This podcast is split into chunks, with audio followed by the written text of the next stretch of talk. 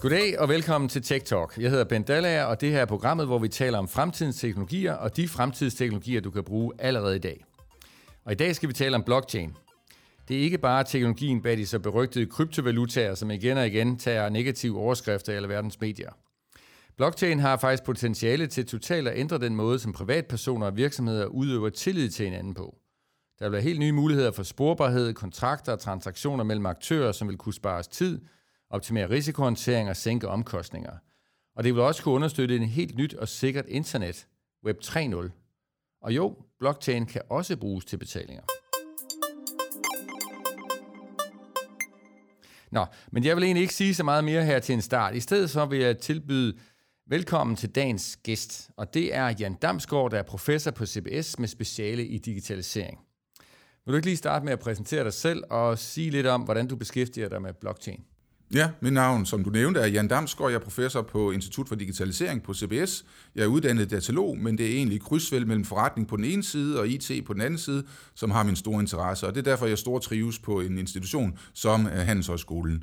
Og øh, det, jeg arbejder med, det er sådan nogle øh, teknologier, der øh, har den øh, særlige egenskab, at de kun har værdi, når der er mange, der bruger dem samtidig.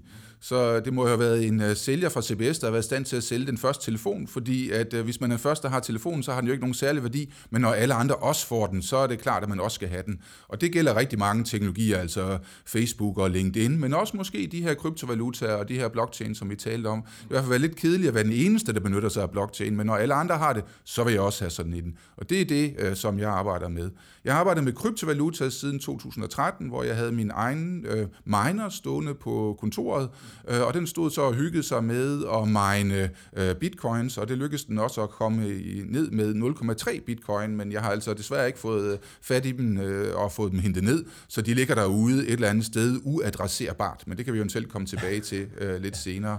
Og så for fem år siden øh, fik jeg et forskningsprojekt støttet af Industriens Fond, hvor vi så på, hvordan kan man egentlig benytte blockchain bredt, og det var så særligt inden for tekstil- og modebranchen, og det de gerne vil, det er jo, de vil jo gerne anerkendes for det store arbejde, de ligger i at lave dansk design. De vil gerne kunne lave sporbarhed, altså hvordan er produktet kommet herfrem, og, og også det med herkomst, altså hvad er det for et produkt, hvad er det for nogle bestanddele, der er i produktet. Og sidst, men ikke mindst, så vil de jo også gerne kunne øhm, på en overbevisende måde kunne redegøre for produkternes klimaaftryk. Ja. Så det prøvede vi at bygge en, en øh, blockchain til, øh, og så hvordan at din øh, blockchain-prototype kunne understøtte de forretningsprocesser, som allerede øh, forløber i, øh, i øh, tekstil- og modebranchen. Nu er der jo mange holdninger til, til blockchain på, på alle mulige lederkanter, men sådan set fra, fra din stol, hvad, hvad er det så, som er, er, er sådan den typiske, de typiske anvendelsesområder for blockchain? De typiske anvendelser for blockchain, det er jo, at vi her har at gøre med en helt revolutionerende teknologi, som vi ikke har haft adgang til tidligere på øh, internettet.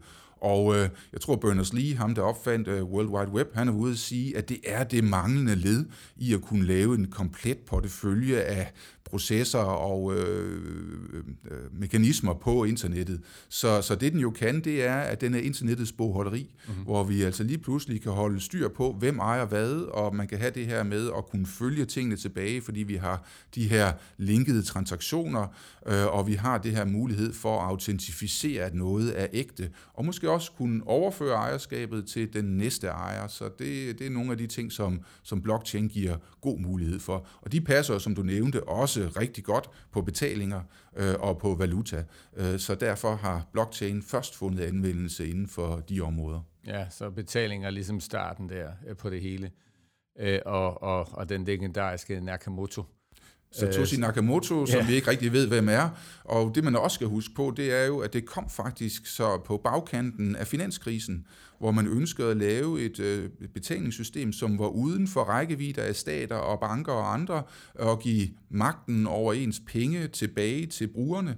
Øh, og, og det er derfor, at, det, at den er skabt, den er født i mistro til de etablerede banker, og det er også derfor, at de etablerede banker øh, på den anden side har den her mistro over for kryptovalutaerne. Så de to er svært at blande. Det er ligesom vand og olie, de tager ikke rigtig hinanden til sig sådan helhjertet. Så i stedet for er der en, en måske også en sund skepsis mellem de to parter, fordi at øh, de har ikke ret meget gavn af hinanden, kan man sige. Og hvad kunne du forklare lidt omkring, fordi man slynger bare ordet blockchain ud og blockchain-teknologi, men altså, hvad er det egentlig, vi taler om her?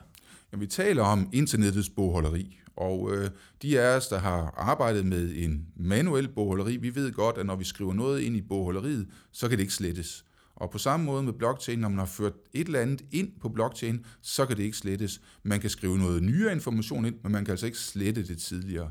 Så det er en af de øh, ting, der er der. Noget andet det er, at man kan heller ikke fjerne noget, så hvis øh, man nu river en side ud af sådan en gammel bogholderi, så vil man øh, øh, lægge mærke til de her riblede linjer, der er i bagsiden af, af bogen, og der vil man kunne øh, opdage, at der mangler en side. Og på samme måde, så de her linkede transaktioner, de her blokke af transaktioner, hvis man piller ved en af dem, jamen så falder det fra hinanden, og så er det øh, åbenlyst, at der mangler noget, øh, der, mangler noget der, og, øh, og så skal man altså ikke have tillid til de her ting. Og så er der den her måde, hvorpå man laver øh, det med, at det er en distribueret mm. øh, bogholderi, så at der altså ikke er en øh, person, der ligesom har ansvaret for de her ting. Og, øh, og det, man har gjort i moderne tid, det er jo, at man har bygget netop en udgave af et bogholderi, og så har man forsøgt at beskytte den øh, med alle mulige måder. Øh, og det man gør øh, med en blockchain, det er faktisk det modsatte. Man øh, spreder ligesom øh, øh, den her viden ud, og, øh, og ideen er, at hvis der er mange, der ved det, så er det meget sværere at kompere. Og hvis man skal forstå det, så kan man tænke på, at i gamle dage, der vidste i landsbyen, der ville alle vide, hvem der ejede Møllegården. Mm. Og det var ligegyldigt, hvem man spurgte, ung eller gammel, rig eller fattig, mand eller kvinde. Øh, det er familien Møller, der ejer Møllegården. Og øh, skulle den her mølle så skifte ejer fra familien Møller til familien Pedersen, så vil man gå på tinge. Og på tinge, der vil man tage en håndfuld jord, der vil familien Møller tage en håndfuld jord fra Møllegården af, og så vil den smide den i skødet på familien Pedersen, og det vil ligesom symbolisere overdragelsen af ejerskabet, og det er faktisk også en atomar handling, så hvis Møllegården brændte inden jorden blev smidt, så var det familien Møllers ansvar. Brændte Møllegården efter jorden var smidt, så var det familien Pedersens ansvar. Og, øh, og det der også er, det er, at det er faktisk derfra, vi har ordet skøde. Det er jorden, der blev smidt i skødet på familien Pedersen. Og næste dag, så ville alle vide det, at øh, nu ejede familien Pedersen øh, Møllegården, og øh, igen, så er der ikke noget grund til at skrive det ned nogen steder. Og, øh, og det der jo er, det er, at jo flere, der er til stede på tinge, jo mere sikkert ligger den her information. Mm. Så selvom man måske kan være i stand til at overbevise en enkelt øh, landsbybo øh, om, at øh, jamen, det er faktisk sådan, at det er, fam- det er familien Dalager, der måske i Møllegården, mm. jamen så har det ingen gang på jorden, fordi alle de andre landsbyboere, de vil sige, vise vasse, vi ved alle sammen, at det er familien Pedersen. Og, og det er egentlig ideen bag blockchain, det er, at man håber på, at der vil være tusind, 10.000 vis, 100.000 vis af ligeværdige instanser af bogholderiet, og det vil sige, at det er utrolig vanskeligt at korrumpere det. Man skal bryde ind i mindst halvdelen af alle de her versioner eller instanser af bogholderiet, og det skal man faktisk gøre samtidig. Man kan ikke engang gøre det med et sekund eller fem sekunders øh, mellemrum, de skal brydes ind samtidig, og det er faktisk aldrig gjort. Øh, så derfor så øh, regner man med, at det her det er sådan fremtidens måde at gøre det på. Og det virker jo lidt paradoxalt, at, mm. at det skal være, jo mere sikkert det er, jo flere skal have det. Ikke? Og, øh, men det er jo den her, der kommer så tilbage til, hvad romerne allerede vidste, nemlig, hvem skal vogte vogterne. Så det, der jo så skete i sin tid, det var, at kongen ønsker at beskatte de her aktiver, der var i landsbyen, og så bad han en enkelt person om at ligesom sidde og lave optegnelser på, hvad der blev annonceret på, på, på tinge. Og, øh, og øh, så øh, tænker man efter et stykke tid, jamen, øh, øh, hvorfor skal han, vi gider ikke gå på tinge længere, vi går simpelthen bare hen til, øh, til øh, notaren, og så kan vi få ham eller hende til at skrive ind i, i den her tingbog. Øh, men så skabte vi lige pludselig et øh, centralt bogholderi, hvor at øh, der er en enkelt person, der kan korrumperes, og så er det ligesom, så kan bogholderiet øh, rettes i, og så er det ikke længere den distribuerede viden. Øh, og det er faktisk den måde, vi har bygget op på i dag, og, øh, og det her det går så tilbage til det. Og det er det en af de ting, som jeg synes er mest fascinerende ved blockchain, det er, at man kan de her ting. Så er der alting omkring kryptering også, mm. øh, og, og det er jo det her med, at hvem kan få lov at føre noget ind i bogholderiet, jamen der skal man ligesom have den rette nøgle. Og øh, der bruger man sådan en public key, private key infrastructure, og, øh, og det er etableret allerede i 1970'erne, og faktisk så Ivan Damgaard og folkene, vores gode kolleger i Aarhus på Aarhus Universitet, har været nogle af dem, der har været øh, banebrydende i at lave de her øh, øh måder at kryptere på. Og, øh, og øh, det, det er egentlig ikke så så vanskeligt at tænke på. Vi kender det alle sammen fra NemID og MitID, og når vi går på nettet, øh, går i banken, så står der jo HTTPS, mm. og det er en secure øh, forbindelse, og når vi går øh, andre steder hen, så er der det der HTTPS, og det er det, man bruger, når man øh, arbejder med de her ting. Det vil sige, at der er kun en ejer af det her af den her, øh, af den her værdi, eller af den her transaktion, øh, som er i stand til at kunne give den videre til den næste. Og det er de ting, som bliver opført i bogholderiet. Så hvis det ikke er den retmæssige ejer, øh, så vil man blive afvist øh, i bogholderiet. Og, det, og så samtidig med, at man så fører de her ting til protokols, så overføres også ejerskabet af de ting, man fører til protokols, øh, til den næste, som så igen er den eneste, der kan føre det videre. Og på den måde, så øh, faktisk modsætning til det, øh, mange tror, så i en øh, blockchain-verden, så ved alle, hvor alle hvis nu med der var bitcoin, så ved alle, hvor alle bitcoins er, og hvor alle bitcoins er været, og hvor de blev født henne. Og det vil sige, at det er en ret sikker måde at have med de her øhm, øh, enheder at gøre, fordi at, øh, at det er altså umuligt at skjule sig. Det der er, det er, det er en form for pseudonym teknologi, og det vil sige, at vi ved jo ikke nødvendigvis, hvem der står bag det pseudonym, man optræder med øh, på blockchainen. Mm. Øh, men, øh, men det, der sker, det er, at man kan jo ikke spise kryptovaluta. Så på et eller andet tidspunkt, så bliver folk sultne og skal have en speedbåd, eller en villa, eller øh, noget mad, og så skal de hen og veksle de her bitcoins til øh, fiat-penge, altså til almindelige penge, dollars eller euro, og der møder det uregulerede system, så er det regulerede system, og, øh, og så øh, kan man fange dem der. Så faktisk så det er godt, at kriminelle de er så dumme, fordi at hvis de havde tænkt sig en lille smule om, så havde de jo ikke brugt kryptovaluta, fordi det er bare et spørgsmål om tid, før de bliver nappet. Så, så vi har stort set ikke set øh, alvorlige øh, øh, hvad hedder sådan nogle ransomware-angreb øh, på det sidste, fordi at det er altså let at mærke øh, de her øh, bitcoins eller anden kryptovaluta som værende betændt. Altså ligesom i gamle dage, når man havde øh, et bankrøveri, og man løb øh, glad og fro hen ad gaden, og så hørte at nede i posen, der var der ligesom et puff, øh, og så blev alle sædlerne øh, farvet røde. Og det var stadigvæk 1000 kroner de er bare meget svært at, at, at omsætte de her 1000 kroner. Og på samme måde med en bitcoin eller en anden kryptovaluta, der er involveret i kriminel aktivitet, eller i skatteunddragelse, eller i børnearbejde, eller endda i greenwashing, jamen der kan man sige, de har lavere værdi. Og man siger ellers det her med, at penge stinker ikke, men øh, det gør kryptovaluta, fordi at det her, det kan de aldrig vaske af sig. Mm. Så, så det vil forfølge dem til evig tid. Så inden man går hen og køber noget kryptovaluta, så er det en god idé lige at få tjekket, i hvor høj en grad har de her kryptovaluta-enheder været involveret i øh, kriminel aktivitet. Øh, og der kan man jo sætte op efter sin egen øh, hvad hedder sådan en egen lyst, øh, hvor høj den skal være. Øh, og det skal man lige huske at sammenligne med, jeg tror, at alle danske 1000 kroner kan man finde spor af kokain. Øh, og, øh, og så er det, hvor, hvor højt skal man sætte grænsen for, hvad for nogle kryptovaluta man skal tage. Jeg synes selvfølgelig, at man skal have været helt ren der, men måske kan man også acceptere et par procent øh, af de bitcoins, man køber, øh, at de måske har været involveret i lidt lyssky aktivitet. Ja, hvis man så overhovedet vil købe bitcoins, altså det er jo så, det er selvfølgelig det. Det er jo det. Og, du har, og, og det med, at man kan spore dem, det er jo også interessant. Øh, du har en god pointe i netop den sporbarhed, øh, og, og der er jo dansk firma Chainalysis, som jo, som jo virkelig har gjort sig, kan man sige, verdenskendte på evnen til at spore det her. Ja, ikke bare verdenskendte, de er verdensledende. Ja. De arbejder tæt sammen med FBI og med de andre øh, internationale organisationer, øh, og er verdens bedste i at identificere, hvad er øh, den øh, reelle identitet bagved, og også i hvor høj grad har de her øh, kryptovalutaer eller kryptoassets, øh, som man er ved at, at købe, i hvor høj grad har de været involveret i lyssky aktiviteter. Ja, så der, der, og det er jo den måde, man så kan, kan trace det på. Men, men hvad, hvad er så det, der, der gør, at... Øh, hvis man nu kigger på det her, du startede med at sige, at det er lidt ligesom at have en telefon, og kan vide, øh, hvem der har solgt den første telefon, for det må være lidt hårdt salg, når der ikke var, der rigtig var nogen at ringe til. Mm. Og det er jo lidt det samme her, siger du så omkring blockchain. Øhm, hvad, hvad er det, der gør, at når vi nu kigger på teknologien, som sådan set har været der siden 2009, så er det jo alligevel stadigvæk lidt begrænset, hvad der har været af, af cases. Altså, der har været mange cases, men, men det er jo ikke sådan en massiv udrulning. Det er jo ikke ligesom, da World Wide Web kom, og så det hele begyndte at forandre sig. Mm. Hvad, hvad er det, du ser som barriere for, at det har udbredt sig mere?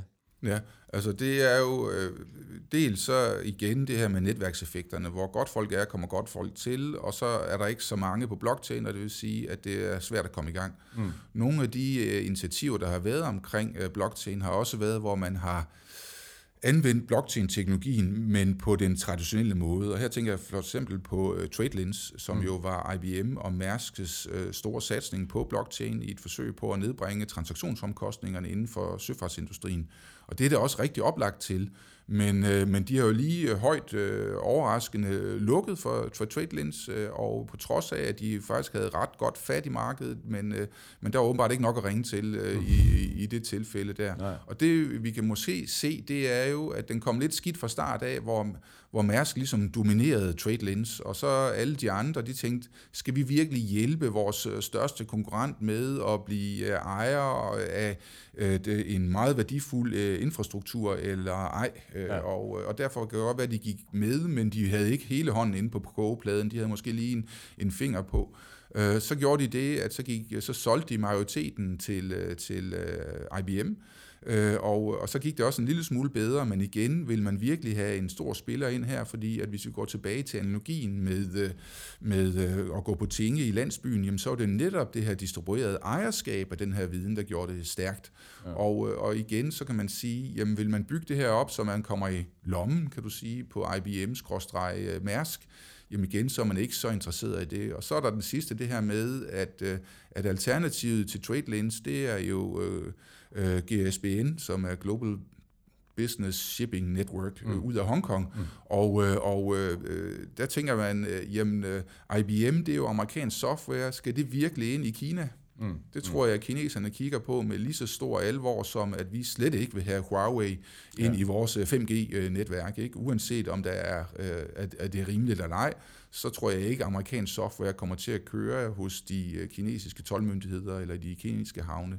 Så, så der, det kan være en af årsagerne også. Vi, vi ved faktisk ikke helt, hvad, hvad der, var, der var grunden til det. Så det ser ud som om de her permission, altså der, hvor man har en lukket klub mm.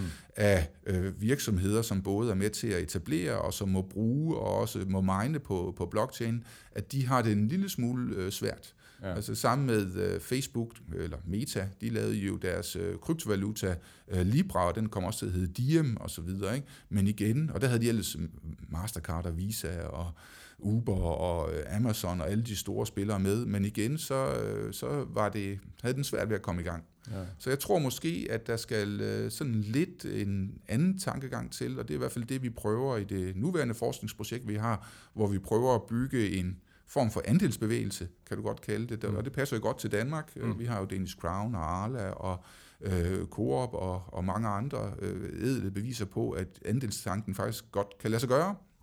Og, øh, og det vi prøver at bygge der, det er faktisk at bygge en brancheløsning, som er en fælles standard for hele tekstil- og modebranchen, øh, og som netop er distribueret. Det vil sige, at der er ikke nogen, der kan gå ind og hijacke eller kan gå ind og dominere de her øh, blockchains. Så det skal man bygge op i den måde, man sætter blockchainen op på øh, så at den ikke er, kan, kan falde i hænderne på de forkerte, der vil tappe alle kryptovalutaerne ud af den og, og efterlade en, en blockchain, som, som ikke er øh, holdbar.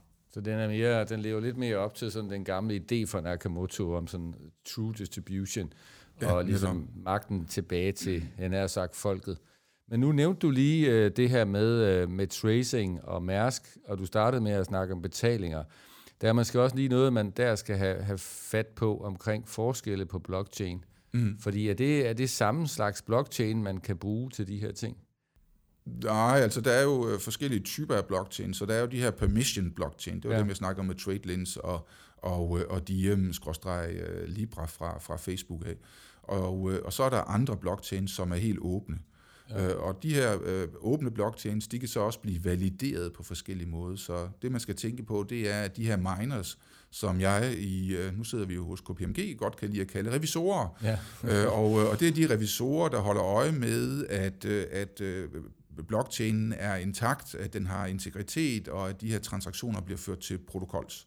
Så, så de står derude undskyld, på tinge, mm. og de lytter med, hvad der bliver meddelt på den her tinge. Hvad er det, der bliver broadcastet? Altså, der er en, der sælger en møllegård, der er en, der leger en mark, der er mm. en, der sælger noget, osv. osv. Og de skal jo så ligesom blive enige om, hvad det var, de hørte på den her øh, på, den her, øh, på det her ting, øh, tingdag. Ikke? Ja. Og, øh, og, øh, og det de her revisorer, de gør, det er, at de tjekker, at du ikke dobbeltspender, det vil sige, at du ikke bruger dine penge to gange, eller du ikke sælger møllegården to gange, øh, så tjekker de, at den, der modtager den, har en rigtig adresse osv., og så sørger de for at få ført det til protokols øh, og lagt ind. Og der er forskellige måder at gøre det på, og, øh, og den måde, som man har brugt hidtil, eller for mange har brugt hidtil, og Bitcoin gør stadigvæk, det er den med proof of work og den bruger ufattelig meget øh, strøm.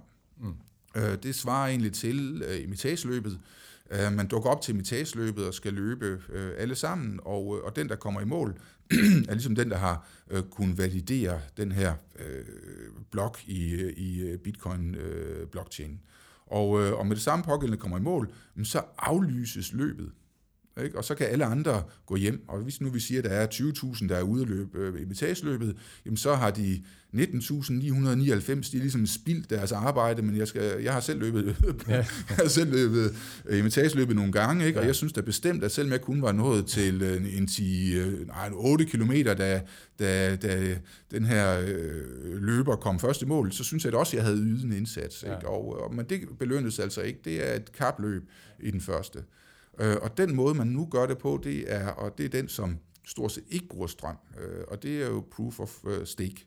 Øh, fordi den proof of work, den til gode ser den hurtigste. Mm. Øh, den, der har flest computerkræfter, har størst sandsynlighed for at vinde.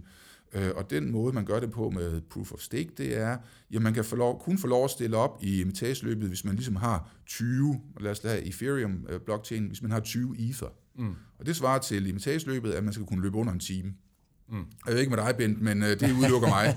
ja, det øh, så, så den er, jeg er 13,3 ja, km eller sådan noget der. Det godt være, at kunne det i min ja, unge dage, ja. det, det kan jeg ikke uh, længere. Ikke? så, så lad os bare sige, at nu er der så i stedet for 20.000, der kan dukke op til start, så er der kun 500, der dukker op til start. Ja. Som alle sammen har, kan løbe under timen, eller har den her 20 IFER. Ja. Og dem trækker man så lod om øh, hvem der kan få lov at løbe den her øh, imitageløb, fordi at, øh, at det, og man skal faktisk finde en, en hashkode for de her transaktioner, der er i, i blokken, og, øh, og det er ikke svært at finde den, men det er jo svært at finde den først. Det var ja. der, vi havde det første tilfælde. Ja. Så i det her tilfælde, der trækker man simpelthen lod blandt de 500, der er dukket op til start, og, øh, og, og den heldige vinder får så lov at træske øh, ruten igennem og kommer tilbage og validerer transaktionen, øh, og før de får lov at starte, så ligger de fire IFER i startgebyr, og så får de faktisk kun én IFA for at have, øh, have gennemført løbet, øh, og så øh, i løbet af de næste par dage, så får man øh, så også udleveret det startgebyr, man så havde, havde lagt ind, så man ender med at, at få noget ud af det. Fordi, øh, som du godt ved, også hos KPMG, revisorer, de arbejder ikke gratis, øh, og, og det gør de heller ikke i en øh, blockchain-verden. De skal have betalt deres strøm, de skal have betalt deres øh, hardware og, og så videre.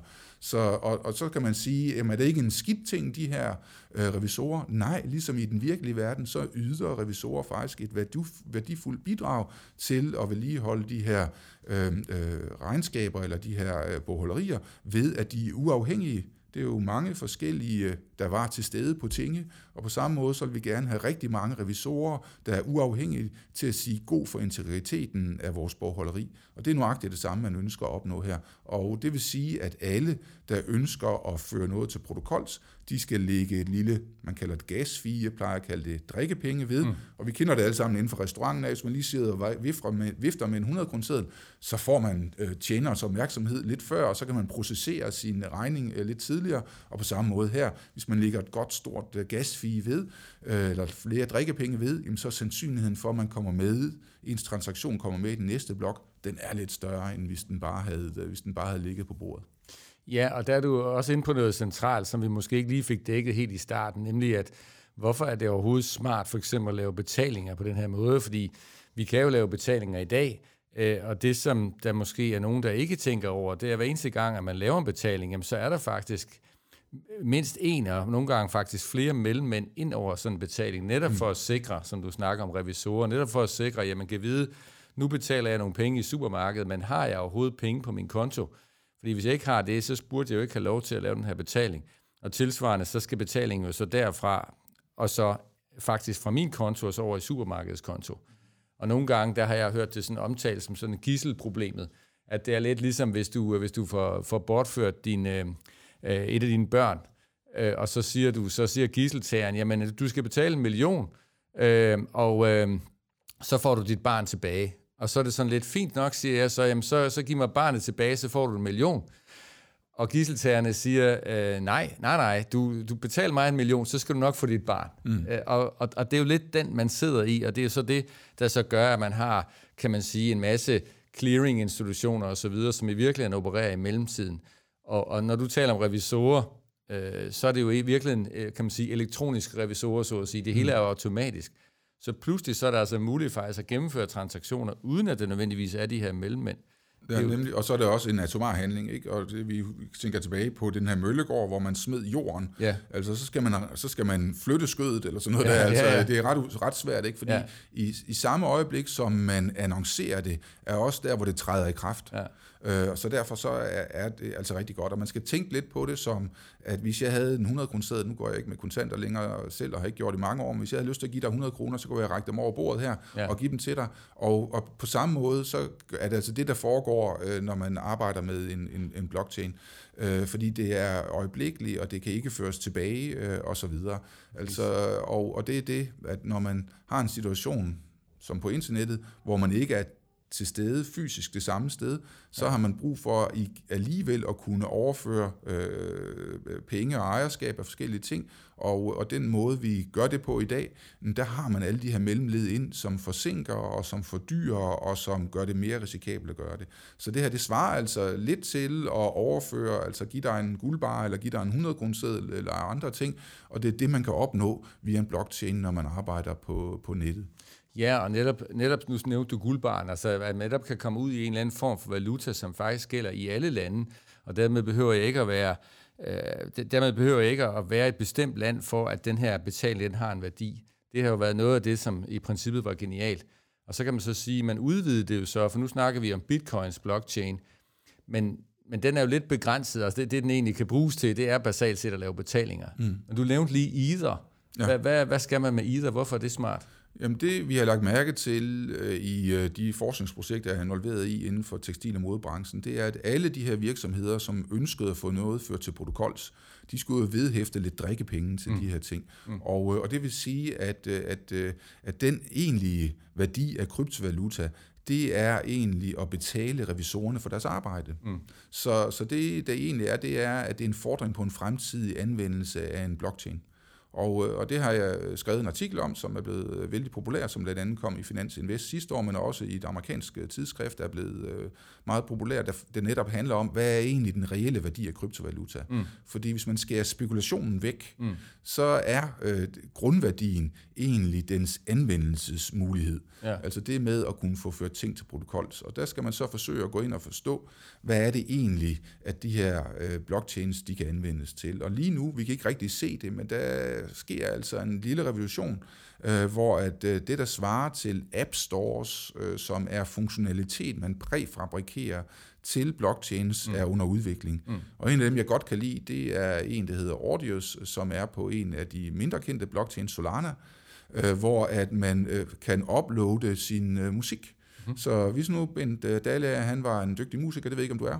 Ikke just. Nej, men, øh, men... Jeg forsøger at lære at spille klaver, det går sådan okay. ja. ja. Men der vil du kunne, øh, i stedet for at lægge din musik op på Spotify, hvor du bliver betalt rigtig, rigtig dårligt per mm. afspilning, så vil du faktisk kunne lægge det op øh, via Audios, øh, øh, D-appen, altså Decentralized-appen, og så vil øh, andre, som jeg selv, som er fan af din musik, mm. kunne hente din musik ned, øh, integrere det med mit Sonos-anlæg, øh, og så vil jeg kunne lytte til musikken, og så vil jeg betale en lille smule, altså drikkepenge, øh, som ikke vil gå til de i forvejen ekstremt rige øh, kapitalfonde og andre, som er involveret i Spotify, mm. men jeg vil gå, pengene vil gå direkte til den sultne stakkels øh, kunstner, som vil få betaling direkte. Og jeg synes selv, at det lyder som en øh, attraktiv øh, forretningsmodel, som jeg håber på øh, vil øh, vinde indpas. Og, og så kan man begynde at spekulere på, jamen hvad er egentlig grænsen for mange af de her ting? Ja. Jamen det er jo, at hvad skal vi egentlig bruge hotels.com til? Ja øh, fordi det kan vi lige så godt, den funktionalitet kan vi lige så godt udtrykke øh, på en, øh, en blockchain øh, med ved hjælp af en decentralized app. Øh, Booking.com, Uber, Den Blå Avis, øh, masser af de her Facebook, øh, LinkedIn osv. osv. Og det vi spekulerer på, det er, vil de her internetgiganter, øh, som er selskaber, blive udfordret af funktionalitet via en blockchain? Og det synes jeg selv kunne være rigtig spændende, og det er noget af det, som jeg selv forsker i lige nu, det er, hvordan kan vi gøre det?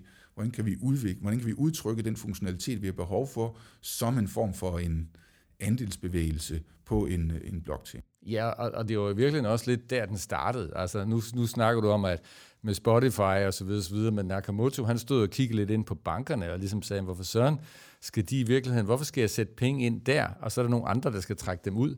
Hvorfor tager vi ikke bare og connecter de her mennesker direkte, så vi kan undgå bankerne i det hele taget? Lige nøjagtigt. Fordi de er jo virkelig også, kan man sige, en, en, en mellemstation. Ja. Øh, og, og jeg synes, det var noget af det, der var interessant også med den næste generation, da, da Ether og Ethereum kom. Mm, mm. Øh, fordi i starten, der var det jo, okay, du kunne lave en betaling, det var fint, men, mm. men, men man var også interesseret i at kunne, kunne andre ting. Mm. Og pludselig fik man den her mulighed for at, at lægge i virkeligheden en vilkårlig algoritme ind, mm. så i et øjeblik, at der, at der sker noget, jamen fint, så, så, så eksekverer vi algoritmen, og det var så det, der ledte lidt til smarte kontrakter og alt muligt andet. Ja. Det, det, det, det er vigtigt, at, at, man, at man ligesom har, har den del med i det. Men det, du så siger nu, det er jo i virkeligheden, at vi måske er på vej øh, til at realisere nogle af de her ting. Lidt, lidt sjovt nok lidt bagvendt, altså hvor man troede, det måske i starten ville være bankerne, der ligesom skulle, eller i hvert fald måske nogle betalingsformidlerne, som ville få det hårdt. Mm. Jamen så er det måske den anden vej, så er det måske nogle af de her data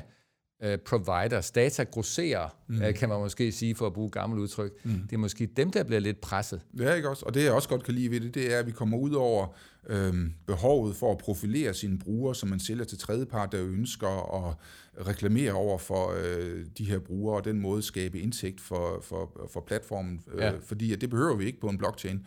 Øh, det, der skal betales, det betaler man via de her drikkepenge, ja. øh, og på den måde kan man lave en mikrobetaling, øh, ja. og på den måde så slipper vi for at blive øh, profileret, og det her med privatlivets øh, fred og så videre. Og faktisk så har Jack Dorsey, en af grundlæggerne af Twitter, været ude og sige, at han fortryder, at han har inkorporeret øh, Twitter som et selskab. Han skulle bare have udtrykt det som en protokol. Ja, ja, men meget interessant. Og det er jo, og det er jo også øh, fint, øh, netop det der, du nævner her med, at selve mikrodelen også er interessant, fordi, fordi mærkeligt den lyder, så har man ligesom tænkt, at det har været en gammel tanke helt fra .com-dagene, hvordan kunne man lave det, fordi man havde den der idé om, at det kunne være, at vi kunne komme ned og formidle information, for eksempel fra blade, altså artikler. Mm.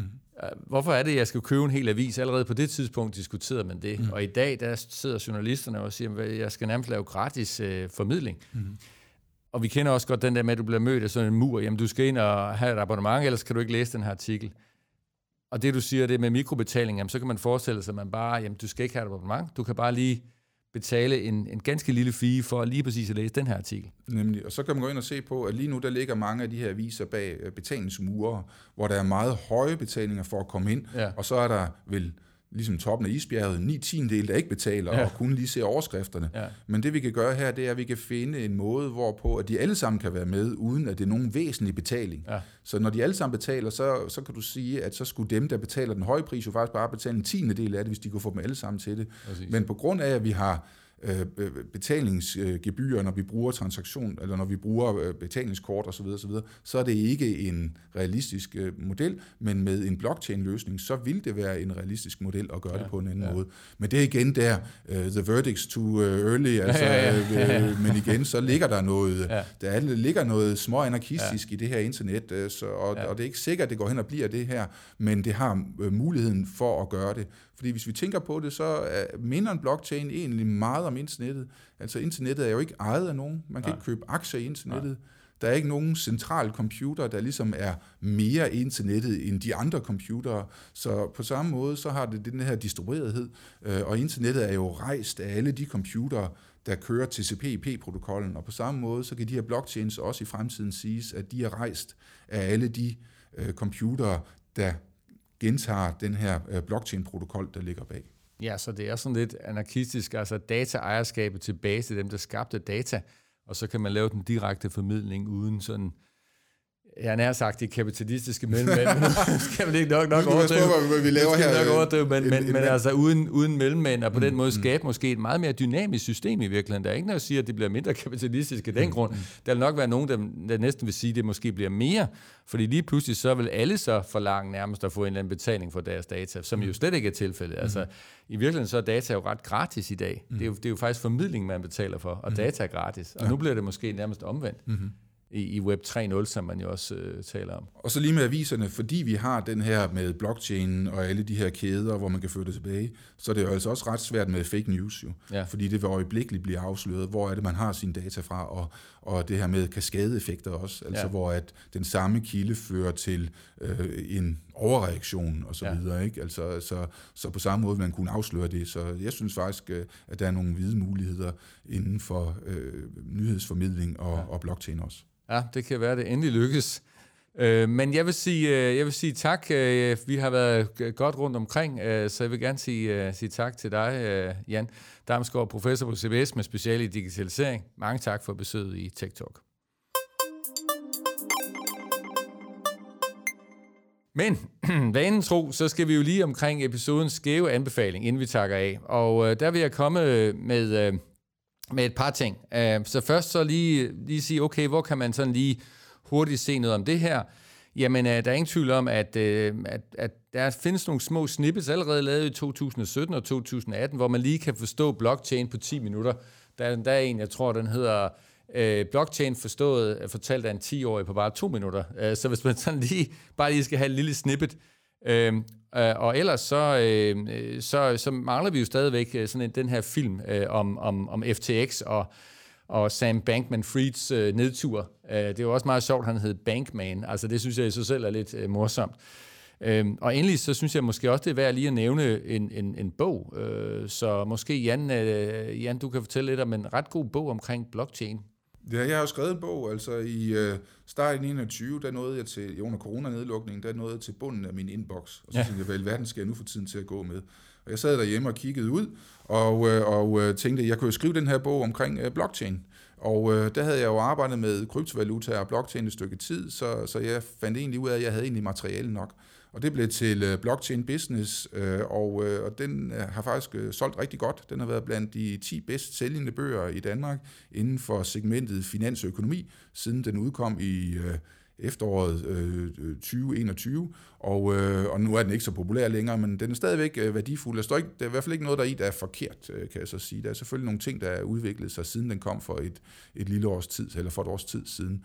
Men, øh, men den kan jeg også anbefale, og den har det her med anvendelsesområder, den har noget omkring penge og kryptovalutaer, og så har den altså også det her tekniske, og der er et kapitel i starten, der er teknisk, som ligesom dækker det, vi har talt om i dag, og hvis man har øhm, sult på mere og appetit på mere, jamen, så kan man læse det sidste kapitel i bogen, der kan tage fat i, hvad er det egentlig, der sker, når blockchain de forgrener sig? Mm. Øh, hvad er det egentlig, der sker, når man laver den her øh, proof of work og proof of stake, og hvordan kan det sammenlignes med at løse en sudoku, øh, og så videre, som er lidt tungere, og det er sådan et uh, Byzantine Generals Problem, den går ind og adresserer, så hvor jeg får lov at nørde lidt til slut i bogen. Perfekt, så jeg kan kun anbefale bogen, som, uh, som man også skal høre her tidligere, så er Jan jo god til ligesom at tale lidt i, i, i linser omkring, hvordan tingene i virkeligheden hænger sammen, selvom det kan være teknisk komplekst. Øhm, så Blockchain Business, en, en, en glimrende bog. Jeg har en lille reklame med her, fordi nu, nu nævnte vi jo det her med, at øh, der var proof of work og proof of stake, som i virkeligheden er et forsøg på at løse et problem, der er, at der er en enorm energiudladning, der sker, når minerne går i gang øh, med den klassiske Bitcoin-blockchain. Øh, Ethereum har jo så under stor bevågenhed faktisk skiftet til proof of stake, Øh, og det handler jo virkelig om at sikre en, en, en bedre klode.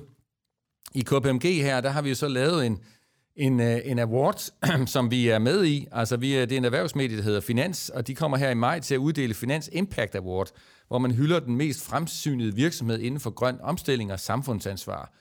Og vi har så fået øh, mulighed for at tildele en særlig techpris, altså hvor man bruger teknologi og digitalisering til at fremme den grønne omstilling. Vi er en af dem, der mener, at det er ekstremt vigtigt, og måske faktisk helt nøgle til den grønne omstilling, at man kommer i gang med det.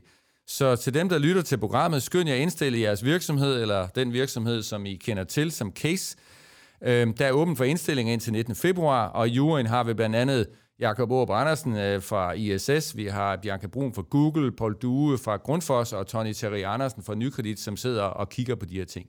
Så, øh, så, så team op og, og send ind. Nå, nu når vi heller ikke mere for Tech Talk i den her omgang. Husk som altid, du kan finde de foregående episoder af programmet på Spotify, Apple eller hvor du nu ellers finder dine podcasts. Jeg hedder Ben Dallager. Tak fordi I lyttede med til Tech Talk, og husk, vi er alle interesserede i fremtiden, for det er her, vi skal tilbringe resten af vores liv.